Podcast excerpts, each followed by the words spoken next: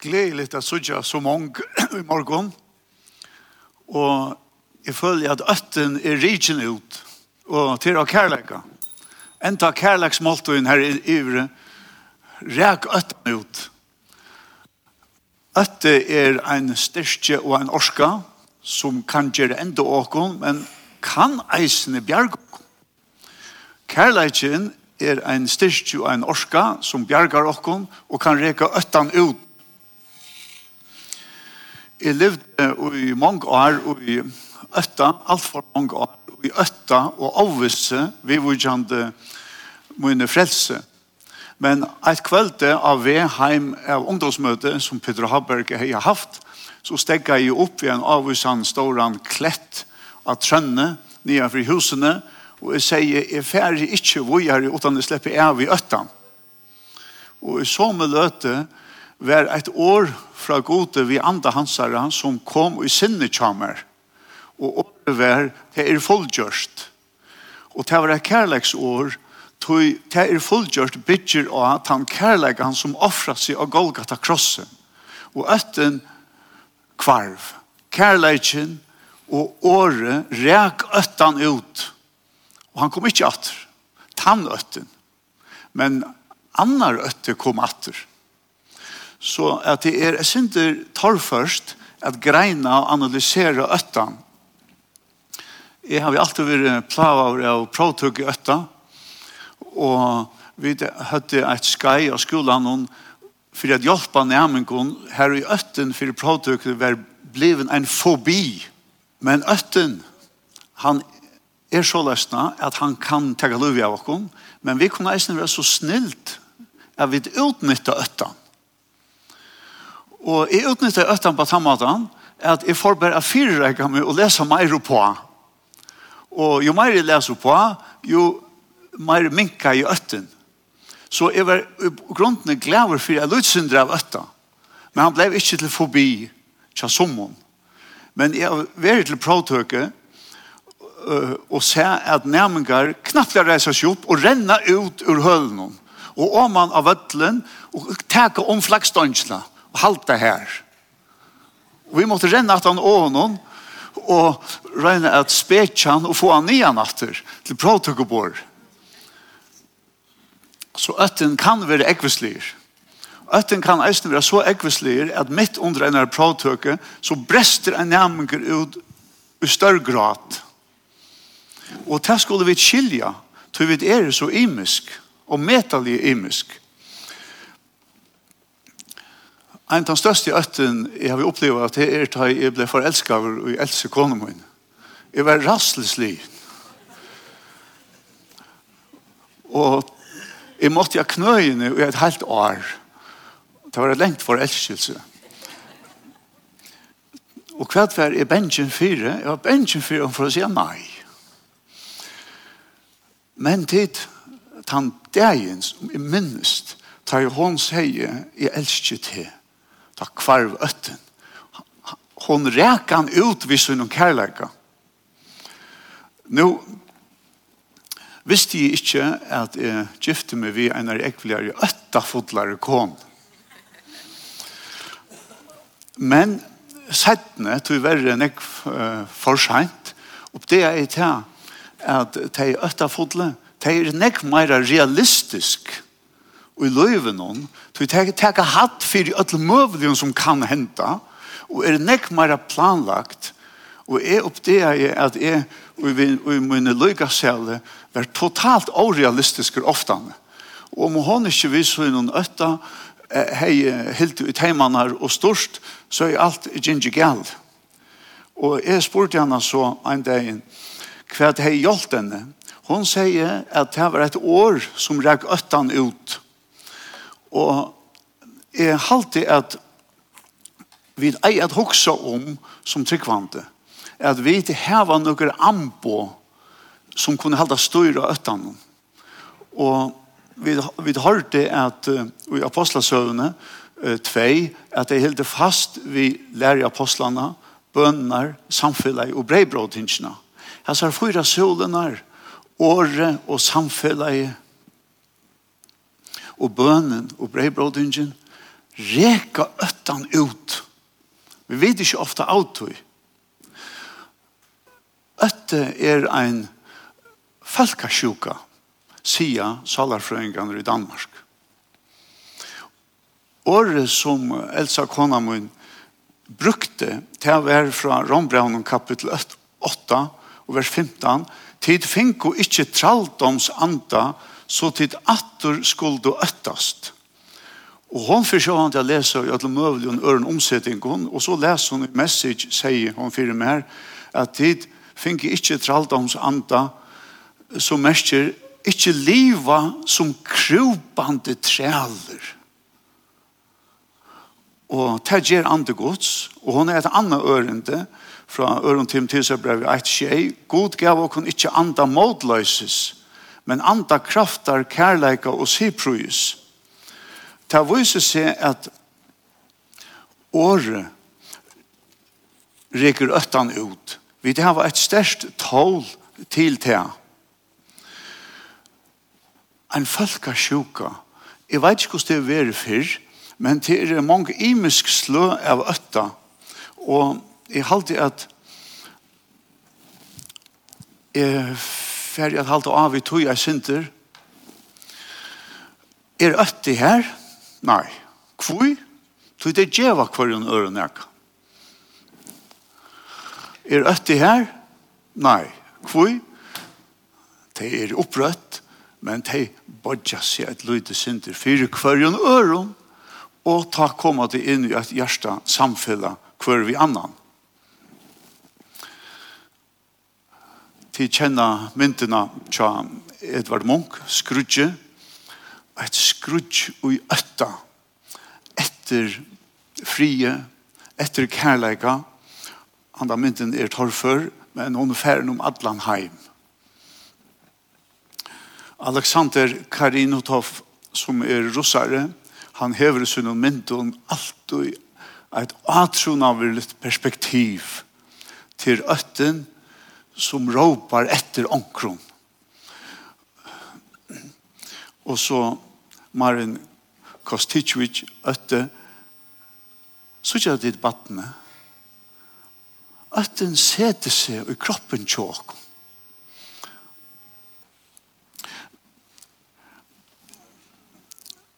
Fyrste spårninger sjålande tar det snur som øtta og kærleggene som rykker øttan ut det er at fæta hva i kærleik og i grunden er. Kærleik er trofeste og hjelpsem. Og oanse så er jeg ved å byrje her. Tøy vi vera hjelpt og vi hava en styring om vi fæta kærleikan som trofeste og hjelpsemme eh, anse om vi er svitjen. Det kan være som bøtt av foreldren, eller tjonarlennen, og vi er gift atter, eller bøtten har finnet eh, foreldre, andre foreldre som takker seg av heimen, eller kommer av Badenheim, så gjør det det samme. God hever alltid en eika møveleika, at gjør og gjør okken en nødja byrjan, Men ta i vid for den nødja byrjan, om bøtten etter vaksen etter hverje vid er, ta er øyla tøyande er byrja at vi ratta punkten og at vi ratta stenen. Tøy kærleikin, Guds kærleiki er hins samme. Og her byrja vi Læt ikkje kærleik og trofeste vujja fra ter, binder te om halsen, skriva teg og talve i hjertet hunds, og så er det et lyfte, så skal du finna nøye og få inte, og i egen gods, og manna. Det hender nekka. Og vi kunne gjøre nekka vi kærleikan. Vi kunne binda og skriva han at halve hjärsta okkara um, til oppgavene eier vi er rødja. Hun kan ha røkt opp på imenskan mata. Jeg har spurt omkran fyrlester haltare. Ja, men um, kærleikje, hva er kærleikje? Ja, kærleikjen, han gonger opp og ned og onkel du kvarver han, onkel du er han stersker. Og jeg sier, du tås er ikke om kærlekan, du tås er om forelskelse. Og jeg kan skal gjøre det til han. Det er en ekv i det, som ikke skiljer mån av forelskelse og kærlekan. Du forelskelse svinkar, ulan ekv. Men kærleikan, han hever nekka vi okkara vilja at gjøre. Vilja vi hjelpa, og være hjelpsom. Vilja vi elska. God er kærleik. Så er spørningen, hva merker til? Jeg har jo å lese bråte ur første brev Johansar kapittel 4. Og, og jeg som bråte noen vil sagt hva det kærleikken er, og så hva han gjør. Og i bråte noen hva han gjør, så gjør han noe vi okkon som brøver og systrar, og han gjør nekka inni ui okkon som brøver og systrar. Og i som kapittel noen, først i hans brev, fyra ørndi tjei, her byrjar han vi åren om tid elskave. Han brukar tid elskave trudjar ferer, Lät jag kon elska kvart anna, tog kärleikin er av gode, og kvart han i elskar er fødder av gode og kjenner god. Han ikkje elskar, kjenner ikkje god, tog god er kærleikje. Og i tog er kærleikje Guds åpenbæra over middelen okkar, at god hever sendt sånn i en einbarn i heimen, for at vi skulle leva vi honom. Og i hesen er kærleikjen, ikkje at vi da elska god, men han er elska okkon, og sendt sånn til båt for synder okkar. Tid elska, og hever god elska okkon så, da skilda eisne vidar elska kvart anna og i ørende 16, og vi har lært å kjenne og har tro kærleikene og god til til dere. God er kærleike, og ta nu verande i kærleikene, være verande i gode og god i hånden. Og i hesson er kærleiken vår fullkommen tjokken, jeg vet hva dere ved dama det. Til ans og han er, så er eisne vid og i hesson heime. Øtte er ikkje i kærleikan, nei, hinn fullkomne kærleiken rekker øttan ut Tog ætti hever straffen og user, og han som øttast er ikkje fullkommen i kærleikan. Vi elska, tog han elska jo okkon fyrst. Ein folk er sjuka. Har vi bruk fyrir kærleikan? Ja. Som er plava av panikkengist. Knappel, ja. Hjärsta fyrir a slåa, kjenna til svima, eller kanskje til dodja, eller bensk fyrir a blå sinnesjuk, sosialfobi, Det er bensjen for om en sms, det er bensjen for om en avaklig ålasøke, bensjen for å komme og møte, vi vil ha plava av imenskon eh, fobion. Agorafobi, at koma her som en håper av mennesken er, og så er det er er fobier, til kjenne klaustrofobi i landsjøkrusen i elevatoren her, da man blir innestongter, etla hydrofobi, etter fyrir vattnet.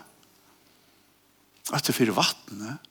Da jeg var svimjelærer i noen år, så var min første oppgave at lære til som var bengen fyrir vattnet, at utnytta vattnet og lære deg at om de gjør det sitt til en propp og la seg søke ned, jeg tror det er djup ned, hva hendte? Kom opp som en propper. Og da jeg opplevde at det flåte i vattnet, så kvarv uh, forbien. Og som vi er her var arachnofobi til å kjenne ditt ødel. Øtta for eidekopp Og Trai Petor sa alt den her med en bensjen. Men det sa Kristus så kvar kvarv øtten. Uh, videre bensjen for jeg var gåtidsen av øron, videre bensjen for jeg gjør okker skarft, videre bensjen for jeg ånder halte om okken, videre bensjen for jeg var svitsen, og vi er bensjen for ikke å mekne oppgavene til å møte det nekk ting som vi er bensjen for. Men god er kærleik. Hva vil jeg si? Jeg vil si er og er og i hebraisk sammenhengen og mest at være nærværende. Jeg, men da må jeg sutja ta i, ikke ta i bøden dette, men at når det er dotten, og reiser seg opp, og så hyggja det rundt, og koma det til moin? Nei, det hyggja etter kærleikangon, en er mamma eller en pappa som er her, og så takna det. Du, mamman er alltid her. Og nøyføringren, han, han græter, og kvært reker øttan ut, mamman kommer og gjør nøyføringen av sikva. At vera, at god er, ta mestjer, at vera nærverande. Ikke bare vera til, God er akkurat som ljøse. Er hendan her? Hon er i hånden av mer. Men så er, er God ikke. God sier er Hver er god? Hver er ljøse? Det er tjåkon. Så er er god. Og til å møte det at at hoksa hver god er nærværende God er sannleik. Hver er han? Sannleik. Han er i okkar samvitsk. Og hver fyrir okkar skreift, så talar samvitskan kvui, tog God er i samvitskene. Uh, hvert er øtte? Her er omedelig at togande er skilje i middelen tvei hotøk. Det er gods øtte og menneskeøtte, eller mannaøtte. Guds øtte, det er viring og alid og lyttne. Og mange stedene i Bibelen er det bedre at omsett året vi viring. Menneskeøtte, hva er det? Det er benkene og rassla og misalid og ålyttne. Og blanda vi hatta saman, så brukar vi ikke godsøttan positivt, og vi leta menneskeøttan få tamarhald åkom. Herren reger öttan ut. Her er en teknikker, et lyfte, han har jo selv sagt, jeg skal alls ikke slippe til og alls ikke fra, fra til. Så er det er god nær, enda han slipper dere ikke, for ikke fra dere. Han er god. Men hva henter så? Så vi kunne si av i frøyen måte, Herren er hjelparen min, og hva så? jeg skal ikke øttast, og hva så? Hva kan mennesker gjøre mer? Mennesker øtner rikken ut. Vi er noen teknikker, vi bønene, vi samfunnene, og vi herren. Vi tar en firemån, og mån til ånder.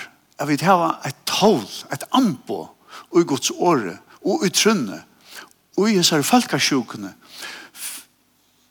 serfrøyngar sier at femte kvar danskare kjem til salarfrøyng onkutu i løvnån vi ekstremon øtta.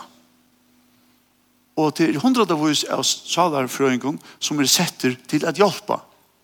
Men let okkom færa omframt å få professionelle hjelp som jeg vet er neio, men let okkom ikke forsøma å færa til den store salarlaknan, god i himle, og i bøn, og i årenon, så er det at vi øtten kan være risen ut. Vi tar i føreska mal noen noen år, som løs etter, vi kommer øtta fot øtta bonden, og kvært øtta slien, utsli av øtta. Men tog beter, har vi et eisen godsøtta, som er en omsorgan. Vi kunne være øtta som, øtta kjent og øtta leis. Hatt er det positive i årene. En mamma, hun kan virkelig øtta som om synebøtene. Er det godt? Ja, det sværa til omsorgan for sin og bøttene.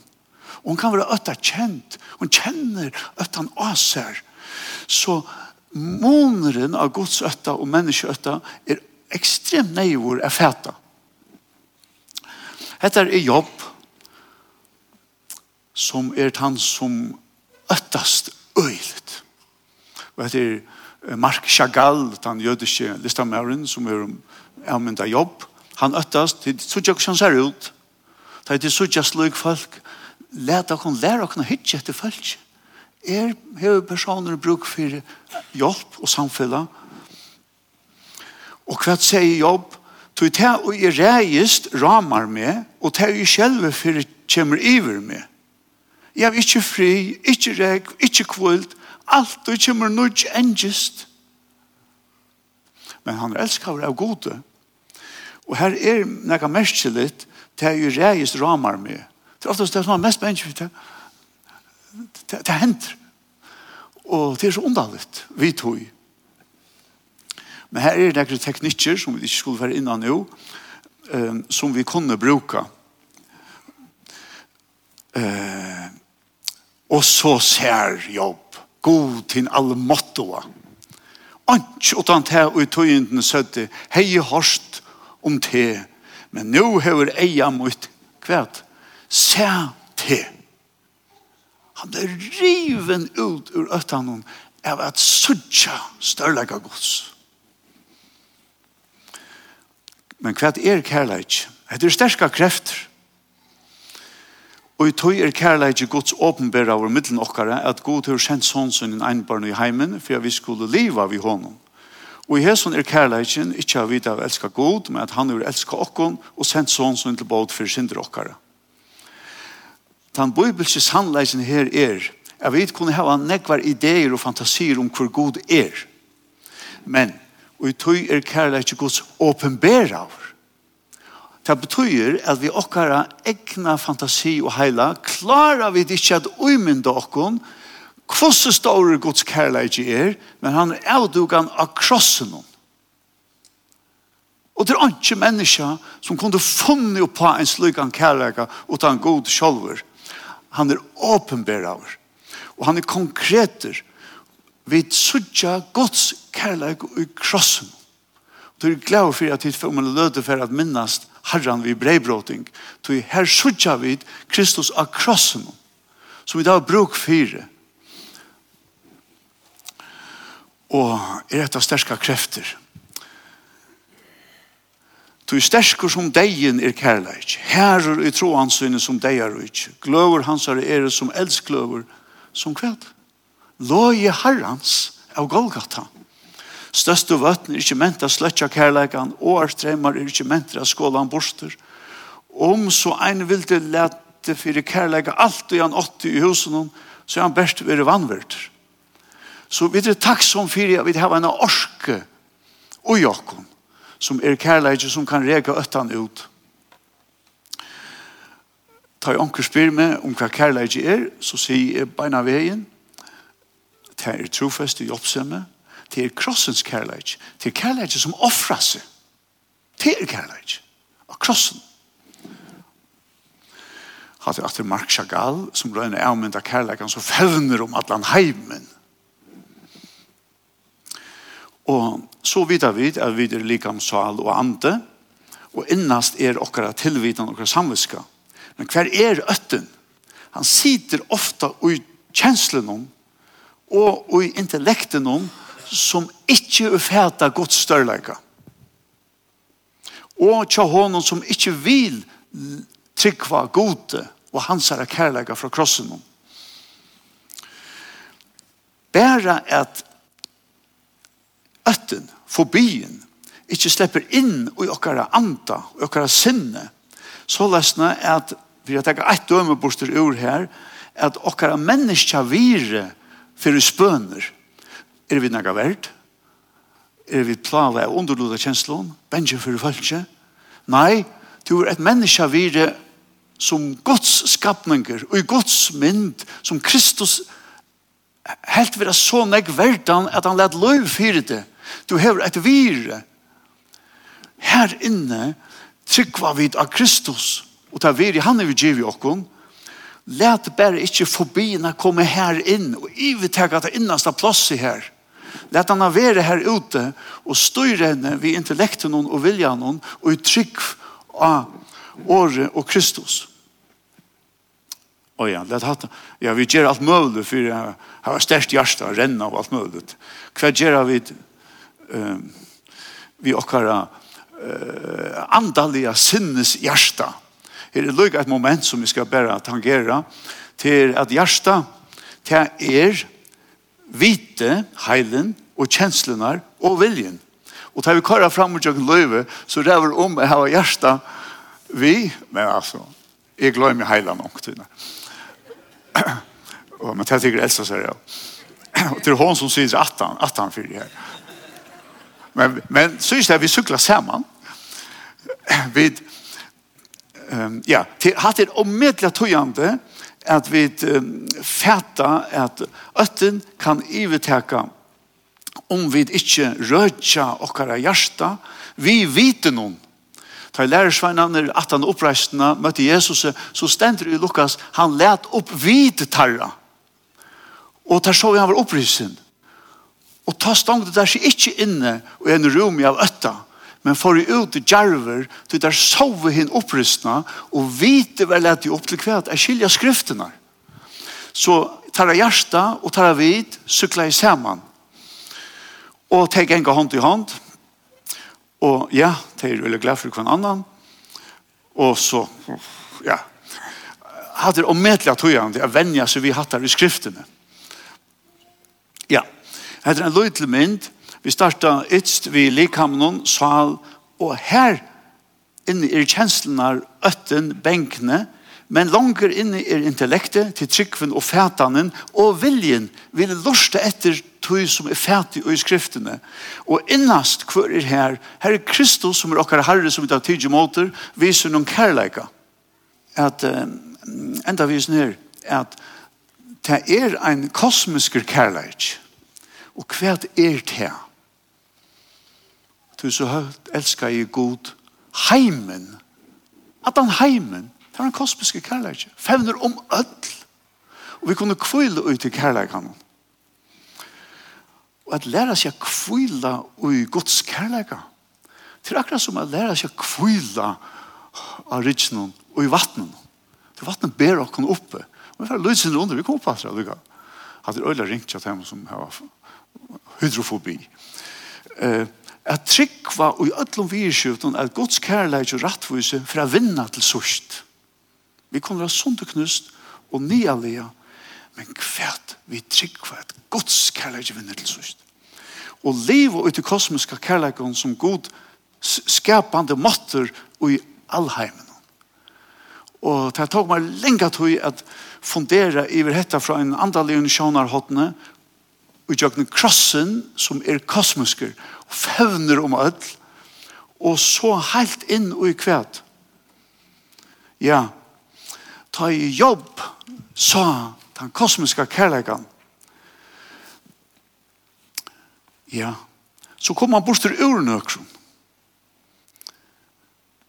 Ta resti jobb seg opp og skradde kappan, klippte i hari av høtten, kasta i sitt ljerar. Er han ikke nei? Og hva? tilbe og sier, Nætjen kom jo om og nætjen færre her atter. Er det tragiskt? Nei. Herren gav, og Herren tok, navn Herrens vil lova. Han kviler ut i kosmiska kärleken. Og man misser alt, eller fær alt. God er god, om landet leist øye. At det er en så god fætan. Ja, og tann kosmiske kærleikan tid, han så vidt er det vi har suttet i skriftene, ganger helt inn i atomkjattnene. Kjattnen og proton og neutroner er helt den sammen. Det er helt den sammen. Jeg fikk et nytt ambo. Jeg fikk et nytt ambo. Jeg har en sånn som enda her, og dette er gikk alltid ytla hundan til etter. Det var ikke samband her. Men så fikk jeg et nytt ambo, og det som oppdeget er, det var ikke her. Det er helt snilt, det er. Nå klarer jeg knappt at få få her ui, og nå klutta beinar reisende. Og hva er årsøkjen? Det er en orska, en magnetisk orska, i skruvblænen, som gjør atter svær i skruvene. Og det henger sammen. Det synes jeg er en kosmisk kærlek. Som vi utnyttar. Det er band som vi knutt mittlen tve ting, men det er hentan her som gjør det heila, men så er ein her, hun er pura, hun er hun får inn eisne. Hun får fin eisne, det er en god rein, og, men, men så, så var det en ånder, om en sånn lyd til en som er her, ikke samband, ikke attersfær. Og det kosmiske kærleikene gjør vi hver øren attersfær, og han, han er helt inne i altså, atomen her. God helder øden allheimen og saman og oppe, sier skriften. Hva hender tid om vi splitta, oppløysa, sprønja atom Det er at dere bruker det som en mynd av kraft som helder ødlån sammen. Hva hender ta? Om vi knusa bandet mellom okken brøver og systrar. Vi elskar hver annan. Kærleikken reker øttan ut, og øtte er ikke ui kærleikanon. Nå mener jeg fobien. Fobi kan være rikken ut. Men let unga miskylda meg, jeg veit, jeg vil plava av det, jeg miskom fobien, alt liv, jeg må leva, vet du. Men her stender at øtte er ikke kærleikan er en fullkomne kærleikken. Det er kristi kærleikken. Men så stender eisen at vi skulle være gjørt fullkomne kærleika. At året her, anser lykke etter du, ta merker byggvinn. Hvordan byggvinn er vi? Vi blir byggvinn meire og meire av løyve. Og så færre vi til og vi er framvis nok så obyggven. Men så kommer vi til Lujas Kristus. Men hva det hender? La det anse etter, ikke at kvetta vi okkar bøten og vi okkar tjonar etla vi okkara brøver og systrar, det at okkon halta okkon saman ut i kosmiska, atomatiska eh, kærleikanon. Og han sier, i kriteriet omgang, det har en gjør okkon ødlån enn en nudja byrjan, men at okkon byrja her som det er rett og godt a byrja. Jeg har en mynd her som jeg nesten ikke klarer å suttja. Hatt av det som hendt i Hiroshima ta i menneska lät sina första atombomber gänga av ta där språngt i atomkärnorna. Det var allt i knus. Alltså med över den här han var en av helt helt fave som överlevde Hiroshima. Och han rann till Dörrastan og skal till Nagasaki. Och här upplevde han atter att en atombomber bläcka och gjorde lycka stora skea Læt dere anse etter at vira kærleikan. Ja, kjenner det hjertevattnet. Ja, onkru verger. Hvordan det kan verger av hjertevattnet? Hykka svits, flere verger av hjertevattnet. Hatt det er eisne okkar elskava følger. Ja. At det skal være skapt så det er øyne hodtakant. Hjertevattnet. Uh, ikke lengt fra Bø i Våøytene. Og hva vil det ha brukt til? At i neste frumørske utgaven har han gått en chans at senda kærleggene til ånder. Uh, en mynd at det er kærleggen som er anvendt av i som kommer ut. Og 8 kroner og 12 kroner, og det er prentet sammen. Det koster 20 kroner å sende brev nå. Så passer akkurat å sende 2. Her så bæg. Så til bryr jeg over ørskimla bare sende av vattnet, men sende hjertet eisen. Vi eier at elsker hver annan. er alltid at vi leta hatta vera sørste året og bia god om at hjelpe oss at sørge hvordan stårer hansara kærleikje er. God er kærleikje. Amen.